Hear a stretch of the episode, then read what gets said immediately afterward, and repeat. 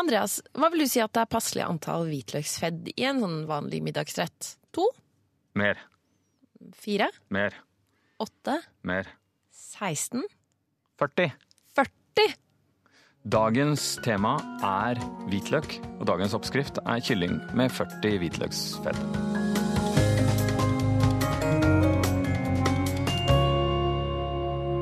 Den italienske futuristen Filippo Tomassi Marinetti drømte om at en gang i fremtiden ville man kunne formidle mat gjennom radio.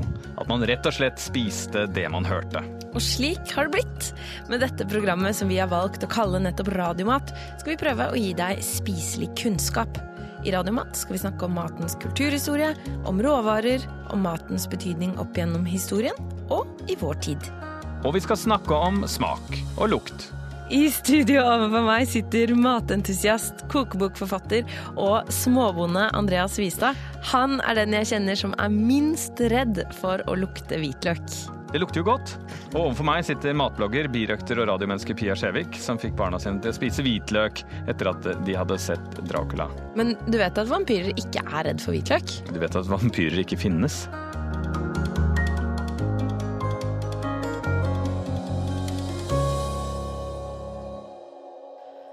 Hva er en hvitløk, og hvor kommer den fra? Hvitløk er en eh, plante i løkfamilien, så den er i slekt med, med egentlig all, all eh, løk, og har liksom et liv litt som en, eh, som en lilje. Det ser man jo hvis man dyrker det selv, så vil det i hvert fall på slutten av en god vekstsesong komme en slags sånn blomst og noen frøbærere øverst, og de ser litt sånn fine og liljeaktige ut. Og, og man kan reprodusere planten på to måter. Enten ved å ta de frøene og Ja. så plante dem, men like gjerne da bare ta et fedd eh, og sette det i jorda. Så hvitløken er egentlig en blomst? Ja. Det er, eh, ellers kan man si at det er en, en rot med, som også har en blomst. Altså eh, en løk som også har en blomst. Men, eh, men det interessante med den er jo at mens mye av den maten som vi er opptatt av, egentlig kommer fra steder lengre sør og ikke liker seg så godt i nord, så er det sånn at hvitløken den krever litt kulde. Så hvis du har eh, Den krever ikke så veldig mye annet, så hvis du har en, et fedd hvitløk som, Alle har et fett hvitløk. som begynner å få en sånn liksom, liten sånn grønn negl som stikker ut, altså et lite skudd som begynner å komme ut, så kan du bare sette det ut i, i hagen eller i jord hvor som helst, og så vil den spire og bli til hvitløk. Men for å få mange fedd, Ja. så krever den litt kulde. Så jeg planter hvitløken i hagen min på høsten, sånn at jeg vet at den får, eh, får satt seg litt og vokst litt eh, før frosten kommer. Men eh, Du kan også sette den om våren, men hvis det liksom blir noe særlig eh, Hvis det har mista nattefrosten, så får du ikke bra hvitløk. Men hvor kan den komme fra, da? Den kommer fra et kaldt sted. fra Sibir, eller fra liksom sør i Sibir, antakeligvis liksom mellom det som i dag er Russland og Kirgisistan. Eh, og der har det jo vært veldig viktig i kostholdet. Ja. Kjempelenge. At det, at det var sånn Det er opp til, opp til relativt nylig, altså 1700-tallet og sånn, så, så betalte man skatt med hvitløk. At det var en, i hvert fall en del av skatteinnkrevingen var at du skulle betale 15 hvitløk eh, for en mann og ti for en kvinne og fem for hvert barn. Men selvfølgelig, i dag er hvitløk en ingrediens som brukes i hele verden. Den spredde seg ganske, ganske fort. Mm. Så den var kjent, godt kjent i den klassiske verden, som er liksom de første kildene vi har. Det skal vi komme tilbake til. Vi skal over til smak og lukt. Hvordan syns du hvitløk smaker, Andreas? Åh, jeg syns det smaker søtt og deilig, nesten som godteri. Og så syns jeg det smaker sånn rasende. Åh, det er liksom som om, om eh, hvitløken har lyst til å liksom angripe hele verden. Og begge deler stemmer. Hvordan kan hvitløken smake så forskjellig? Altså, det er forskjell på ulike typer hvitløk, men selv den samme hvitløken kan eh, smake veldig forskjellig. eh, Og det handler om kjemien i en, i en hvitløk. Eh, En hvitløk inneholder jo masse, masse forskjellige stoffer, selvfølgelig, sånn som alt levende, men blant annet så er det to ulike stoffer. Et som heter alein, og et enzym som heter alinase. og begge de to er egentlig ganske fredsommelige og lukter ikke noe spesielt. Men du vet hvordan du, du kjenner et, du kjenner liksom noen par hvor den ene er snusfornuftig og rolig, eh, og den andre er ganske driftig, energisk, søt og blid. Eh, og at de er helt greie hver for seg, men sammen så blir det bare spetakkel, bråk, dundring med kasseroller, kloring og gråt. Ikke sant? Vel, sånn er hvitløk. Når man knuser eller skjærer opp eh, eh, hvitløken, mm. så møtes disse to eh, stoffene, og da danner de sånne ekstremt Eh, volatile, flyktige, sånn svovelaktige eh, stoffer. Som slett ikke er noe farlig, men som er det som gir den, den eh, skarpe, kraftige hvitløkslukten. Du lager dressing, ikke sant? Mm. Mm, med hvitløk. Mm. Så hvis du vanligvis bruker en hvitløkspresse, så får du én smak. Det er den vante, vanlige smaken på den dressingen du lager hver dag. Hvis du ikke finner hvitløkspressen, og så istedenfor bruker flatsiden av en kniv, f.eks., så smaker dressingen helt annerledes. Det er rett og slett fordi at da er det, eh, eh, da er det færre av de bitte små lommene med eh, alin og alinase som har blitt eh, ødelagt, og som har smeltet sammen. Så det er derfor eh, du kan noen ganger i en, i en gryterett f.eks., eller stekt et eller annet i panna, og så har du tilsatt ett eller to fedd hvitløk.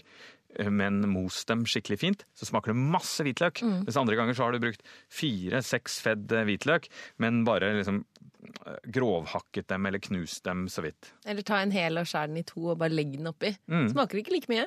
Uh, og, og, hvis du baker hvitløken hel, så vil uh, de, de uh, stoffene brytes ned uten at så mange av dem møtes.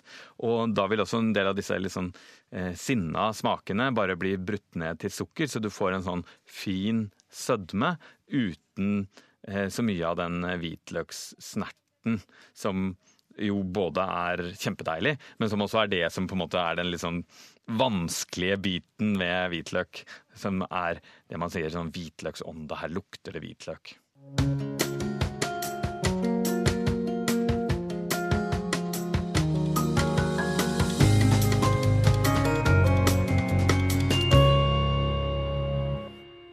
Vi skal snakke mer om eh, dette stoffet alisin, som var dette ustabile, svovelaktige stoffet. Det er der helsefordelene i hvitløk kommer til sin rett.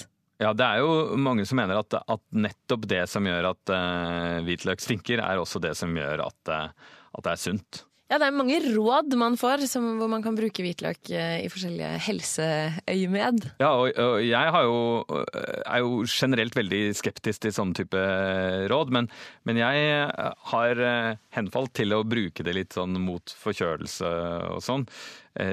No, noen av de rådene er jo veldig problematiske fordi det liksom sånn går med et hvitløksfedd i nesa.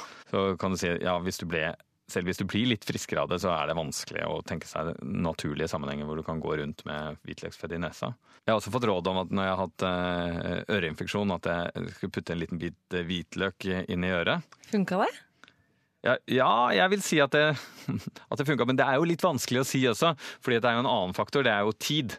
Jeg ble frisk i løpet av tre dager. Var det hvitløken eller ikke? Men jeg har innbiller meg i hvert fall at det hadde en litt sånn lindrende, eh, lindrende effekt. Eh, og ikke minst så hadde det eh, den effekten at jeg, at jeg, ble distrahert. Hvordan da? Jo, ved at, at jeg har eh, barn og kone som er svært kritisk til akkurat sånne type ting, så de lo mye av meg. Så da måtte jeg liksom forsvare meg og mobilisere en viss styrke på den måten. Men det er ikke bare kjerringråd, for eh, University of East London har forsket på hvitløk og helse, og rett og slett kommet frem til at uh, hvitløk har en viss effekt mot antibiotikaresistente gule stafylokokker. I tillegg så har de utviklet piller, kremer og nesespray som også bidrar til å hjelpe at vanskelige operasjonssår heler raskere.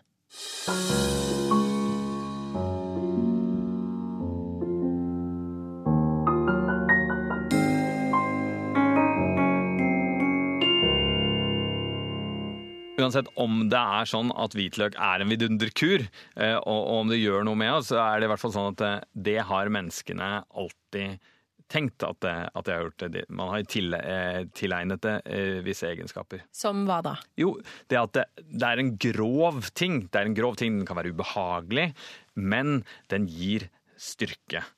Så eh, arbeidere i eh, Sibir fikk utdelt eh, hvitløk og spiste det for å klare seg gjennom ellers sånn uh, umulige arbeidsforhold. Uh, utøverne i de olympiske lekene spiste hvitløk Er det sant? før de konkurrerte. Ja. Den første dopingen.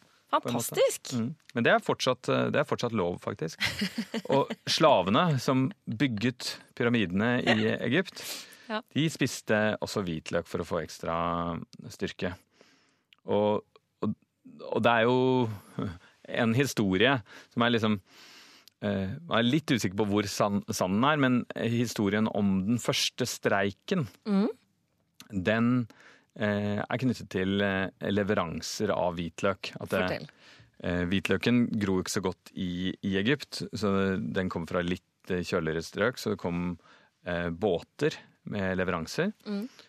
men så var det noen båter som ikke kom fram pga. storm eller lignende. Og da måtte man begynne å rasjonere og få mindre og mindre rasjoner av hvitløk. Og da streiket eh, arbeiderne, rett og slett. Som bygde pyramidene, de ble rasende? Ja, ifølge Herodot, da, som har skrevet om dette, så, eh, så nektet, de, nektet, de, å jobbe og la ned arbeidet. Eh, og, og, det ble kjempe, kjempekonflikt. Nå skal man ikke Det kan jo da være fordi at de fikk så mye hvitløk og, og, og, løk at det var egentlig en veldig stor del av deres kaloriinntak, rett og slett. Mm. Um, så det kan være Det trenger ikke å være det at de, at de ble sure og sa sånn åh, ja, men denne bolognesen har jo slett ikke nok hvitløk, vi legger ned arbeidet. Men det var rett og slett det at de, at de da eh, ikke fikk nok å spise. Jeg liker bedre den varianten hvor de blir sure pga. smaken. At det er utelukkende gastronomiske årsaker til dette. Ja. Men, men, man så at, eh, at, når det kom til, til, Roma Vi forbinder jo italiensk mat med hvitløk. Mm. Men den første romerske kokeboken til Apicius, eh, som, eh, som, var liksom levemannen og den som definerte det romerske kjøkkenet for 2000 år siden, mm. den inneholder bare to oppskrifter med, med hvitløk. Men hva kommer det av? Det kommer nok av at uh, rike folk spiste helt andre ting enn arbeidere. At, uh, at de, de, spiste lerketunger og, og, og liksom Veldig eksklusiv mat, og alt skulle være de, de, likte søte smaker, milde, deilige smaker. Ja. Det var utrolig mye mat som var tilsatt honning, som var tilsatt kanel, som var tilsatt den type liksom, behagelige ting. og hvitløk ble rett og slett ikke regnet som noe for dem. Og eh, jeg har sett liksom i, i mye seinere kilder så brukte man ordet at hvitløk var noe plebeiersk, og det er det gamle romerske uttrykket for, for arbeiderstanden.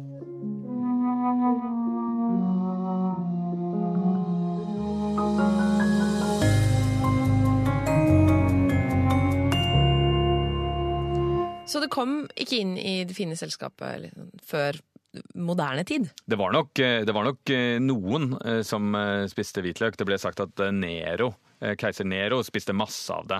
Men man ser langt opp i 1600-tallet så franske kokebøker inneholder ikke hvitløk, eller nesten ikke, ikke hvitløk. Så det, det der med at, at bondekjøkken og de fine kjøkkenene eh, smeltet sammen, på en måte, eh, det er av, av, av langt nyere tid.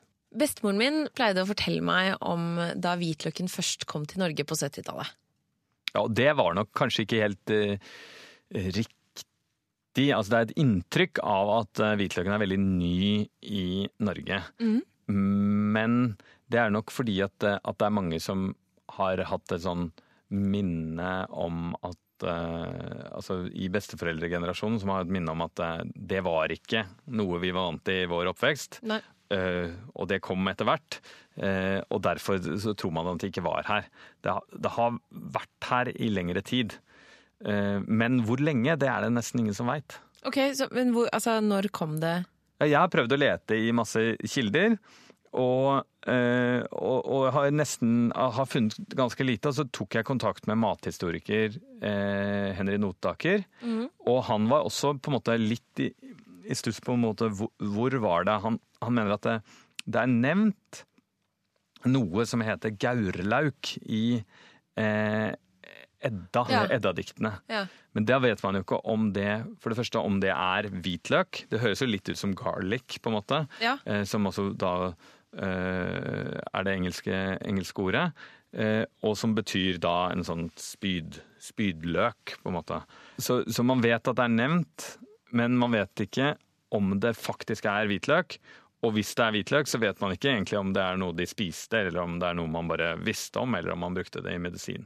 Men vi kan anta at det er hvitløk, i og med at det er det som er ordet for hvitløk på islandsk i dag. Ja, vi kan anta at det er det samme, men der er det, der er det ofte sånn at, at eh, betegnelser eh, flytter seg også. Eh, Og det, det Henry Notaker i hvert fall kunne fortelle, er at Schönberg Erken f.eks. bare brukte løk til siste utgave av sin store kokebok. Altså bare vanlig, vanlig løk, ikke Ja. hvitløk. Og han har funnet en eh, oppskrift av en Grete Haslund fra 1904, som er en av de første eh, bacalao-oppskriftene, eh, hvor hun sier at spanjolene bruker hvitløk, men at nordmenn finner lukt og smak ubehagelig, så man kan ta sjalottløk i stedet. Og, eh, men men da, vi, da, da, da satt vi liksom og, og gjorde sånn detektivarbeid eh, sammen. Og vi fant noen, noen ting i, i, ved å søke i Nasjonalbibliotekets eh, kartotek. Og der er det bl.a. Eh, i norske intelligenssedler, som var tidlige aviser, da, sånn annonseaviser. Okay. Der er det annonser for at man selger hvitløk på, eh, i, i Norge på 1770-tallet. 1776 og 1777. Og I Stavanger Amtstidene så står det også at eh, på lista over hva man kan kjøpe på Nytorget. Men da står det liksom sammen med en del medisiner og johanneskjernemel og, og, og den, den type ting. Så det er uklart om man spiste det eller ikke. Så beste hadde rett, hun bare tok det 70-tallet som var 200 år for seint. Ja, så den var her lenge, men det var uklart hvor mye vi brukte. Kanskje vi rett og slett ikke visste hva man skulle bruke det til. Ja, hva begynte vi å bruke den til, da? Det var nok, eh, i hvert fall den moderne introduksjonen, kanskje var det litt sånn at man eh, heiv det i gryta til arbeiderne, men det var det ingen som skrev om. Eh, Men vi ser en oppskrift fra en husstellskole fra 1949, hvor det brukes Da lager man salat. Og så sier man det, det anbefales å bruke svært lite hvitløk. Så da tar man bare et hvitløksfedd, og så, så gnir man salatbollen med litt grann hvitløk. Yes. Og så blander man salat med olje osv. Ja. Det er jo egentlig en ganske lur måte, selv om den er litt vel forsiktig for moderne smak. Hvorfor var vi så seine med å begynne å bruke hvitløken? Det kan jo rett og slett være fordi vi hadde vår egen hvitløk. Og det har vi jo egentlig. Vi har ramsløk, og ramsløk er en slektning av hvitløk, det er i hvert fall, og den har noe av den samme smaksprofilen. og Det er jo, det er jo sånn at man, man kan si at nesten alt du har lyst til å bruke hvitløk på, eh, kan du bruke ramsløk til.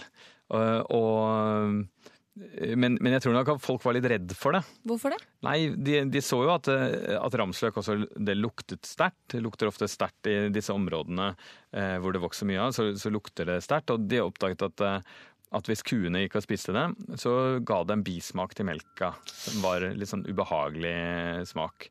Eh, men vi hadde også andre typer. Det er en type eh, løk som ble innført antageligvis for 1000 år siden, som heter seiersløk. Okay. Som også har litt sånn ramsløk, hvitløk eh, i den i, i i det, det preget. Og den vokser da eh, i noen som tidligere vikingbosetninger, bl.a. på Borg i Lofoten og, og deler av eh, Hordaland. Finnes det forskjellige typer hvitløk? Ja, det finnes jo mange forskjellige typer. og den, De er jo liksom uh, ulike sorter som er tilpasset forskjellig klima. Så det finnes liksom sibirske varianter og, og noen som tåler litt mer varme. Noen som lager kjempestore fedd, noen som er veldig stramme. Du kan jo se det hvis du eh, har reist i Italia eller Frankrike, så ser man ofte på sånne lørdagsmarkeder og grønnsaksmarkeder at de har eh, forskjellige farger. At det er noen som er rosa, noen som er lilla. De har, eh, de har da også forskjellige smaksprofiler og forskjellige spesialiteter. Noen ganger så har de sånn spesialitetsmerke på at her er hvitløken fra dette. Dette fjellområdet smaker spesielt godt. Og hvilken er din favoritt? Altså, jeg syns jo det viktigste egentlig er det at, eh, at de smaker at, at, det også er en ingrediens med en viss sånn individualitet. Da. Nå har det blitt sånn at nesten all den hvitløken vi kjøper i Norge, er laget et eller annet sted i Kina. Og jeg har ikke noe mot at kineserne lager solbrillene våre eller telefonene våre. For da kan man på en måte si at, at man gir spesifikasjoner til akkurat hvordan de solbrillene skal være, hvilket materiale det skal være, og hvordan de skal være skrudd sammen. og, og hvordan glass skal være. Mm. Men man kan ikke gjøre det samme med landbruksprodukter. Og det ser man jo eh, blant annet eh, liksom, Hvis man er i Italia og Frankrike og kjøper med noen av disse forskjellige typene hvitløk, så vil man legge merke til at, at hvis du lager den samme dressingen, så kanskje det blir ekstra godt med den ene typen. Neste dag så bruker du den andre typen, og så ble det skikkelig sterkt. Og det er litt gøy. Uh, så det jeg har gjort som en sånn respons til det, er at jeg hver høst eh, samler hvitløksfedd som blir litt til overs. Både fra reiser og, og kjøper hvitløk. Og så, og så, planter jeg dem i, i, hagen min. Så har jeg min egen hvitløk i hvert fall noen måneder i året.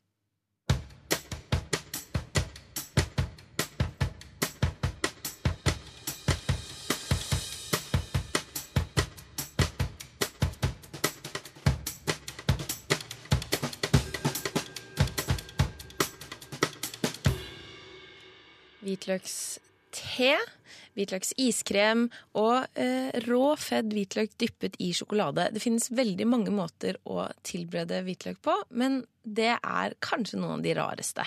Ja, og den rareste kanskje er, er eh, fra gamle Egypt, hvor man brukte i balsamering. Så man har funnet hvitløk i, inni disse gravkamrene i, i, i, pyramidene. Det, det, det, er jo merkverdig, altså. Gnidd inn med honning og hvitløk. Litt godt, da. ja. Så I tilfelle en kannibal skulle komme vandrende. Ja, men, eh, ja. men, jeg syns kanskje av, av, de tingene man faktisk kan spise, og mm. faktisk får servert, så syns jeg at svart hvitløk er noe av det rareste. Men, men av, av, de tingene eh, som er spiselige og som er gode, eh, så syns jeg at eh, svart hvitløk er noe av det særeste og mest vidunderlige, egentlig. Ja, svart hvitløk. Det har jeg fått på restaurant. Hva er det? Ja, det er eh, Først var det et mysterium at det var en sånn eh, kinesisk spesialitet.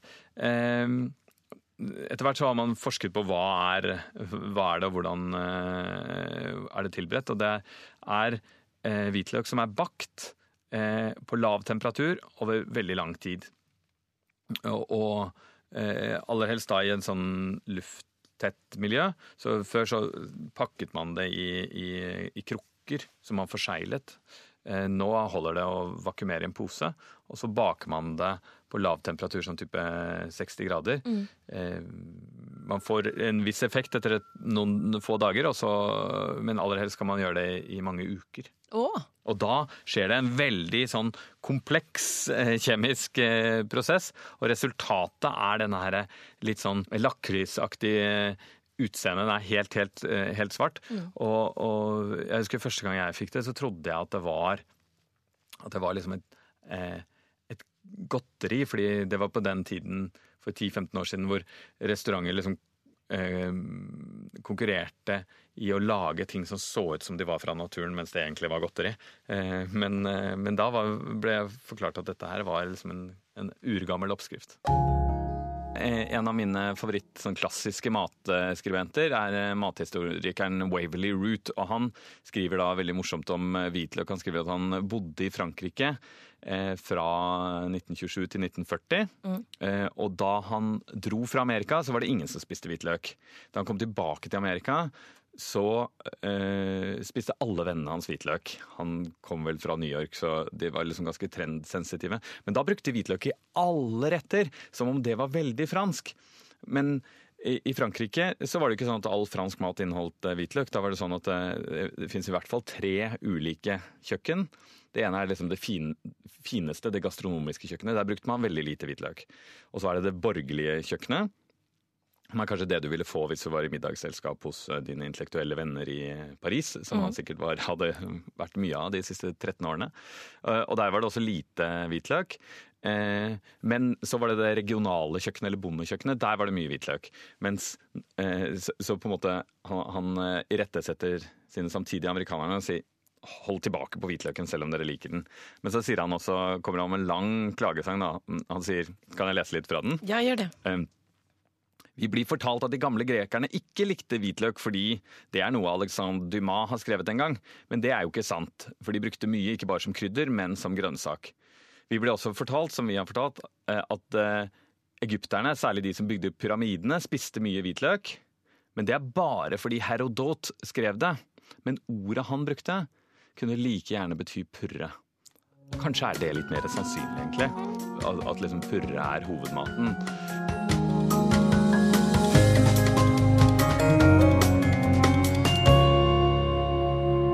Og det føres jo rett over til dagens oppskrift. Hvor vi skal bruke hvitløk eh, på en måte så det er om å gjøre å få det søtt. Kylling med 40 hvitløksfedd, det høres helt ekstremt ut. Men det er altså en klassisk fransk oppskrift. Er tallet 40 spesifisert i oppskriften? Ja, den heter det. Ah. Så man kan jo da med fordel bruke litt fler. Ja. Hvis man eh, vil ha den gode, milde smaken. Men da er det viktig at man har en god kylling mm, ja. og god hvitløk som er eh, fersk, så den ikke har disse grønne skuddene i. Ja. Eh, jeg gnir kyllingen inn med eh, salt og pepper mm. og smør og litt urter. F.eks. Eh, timian syns jeg er godt. Like gjerne tørka timian som eh, fersk timian. Mm. Eh, og kanskje noen andre urter også, hvis man syns det er godt. Og får litt mer eh, spenn i, i, smaken. Og så dele hvitløken i to. Og så ha eh, begge deler i en, eh, i en gryte. Og sette den inn i ovnen. Først da et kvarters tid uten lokk for å gi kyllingen litt farge. På hvilken temperatur? På rundt 200 grader. Ja. 200, 220 grader.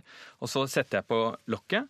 Eh, kan eventuelt helle inn en bitte liten klunk eh, hvitløk, men det er eh, kan eventuelt helle inn en liten klunk hvitvin, men det er ikke nødvendig. Så sette på lokket, og så bake i 45 minutter eller sånn. Og så ta den ut. Ikke løft av lokket. La det stå og vente i ti minutters tid, eller sånn. Okay. Sånn at, eh, at, den, eh, at varmen får bli Så la den stå i ti minutters tid, men ikke ta lokket. Det er helt essensielt. Så setter du den på bordet, så løfter du av lokket, og den duften som kommer ut der, det er på en måte halve opplevelsen. Men det du vil se også, er at den kraften i bunnen og de hvitløksfeddene, den er søt og aromatisk og har ikke noe av det bittet. Eh, og hvis du kysser noen den samme kvelden, så vil du bli kysset entusiastisk tilbake. Ikke, ikke oppleve at noen vender seg bort i avsky fordi du har hvitløksånde. Og det var dessverre alt vi rakk av Radiomat for denne uken. Men Radiomat-universet lever videre på sosiale medier hver eneste dag. Søk opp eh, NRK Radiomat på Instagram eller Facebook. Og hvis du vil høre programmet igjen, eller kanskje dele det med en venn, så får du selvfølgelig Radiomat som podkast. Og du, når du først er inne på podkastsiden din, så må du gjerne både abonnere på NRK Radiomat og gi oss en karakter. Da blir det nemlig enda flere som får stilt sin nysgjerrighetssult på mat og mathistorie. I alle fall for noen timer. Og du kan også kontakte oss på radiomat.nrk.no. Vi er tilbake neste uke. Jeg heter Andreas Wiestad. Og jeg heter Pia Skjevik.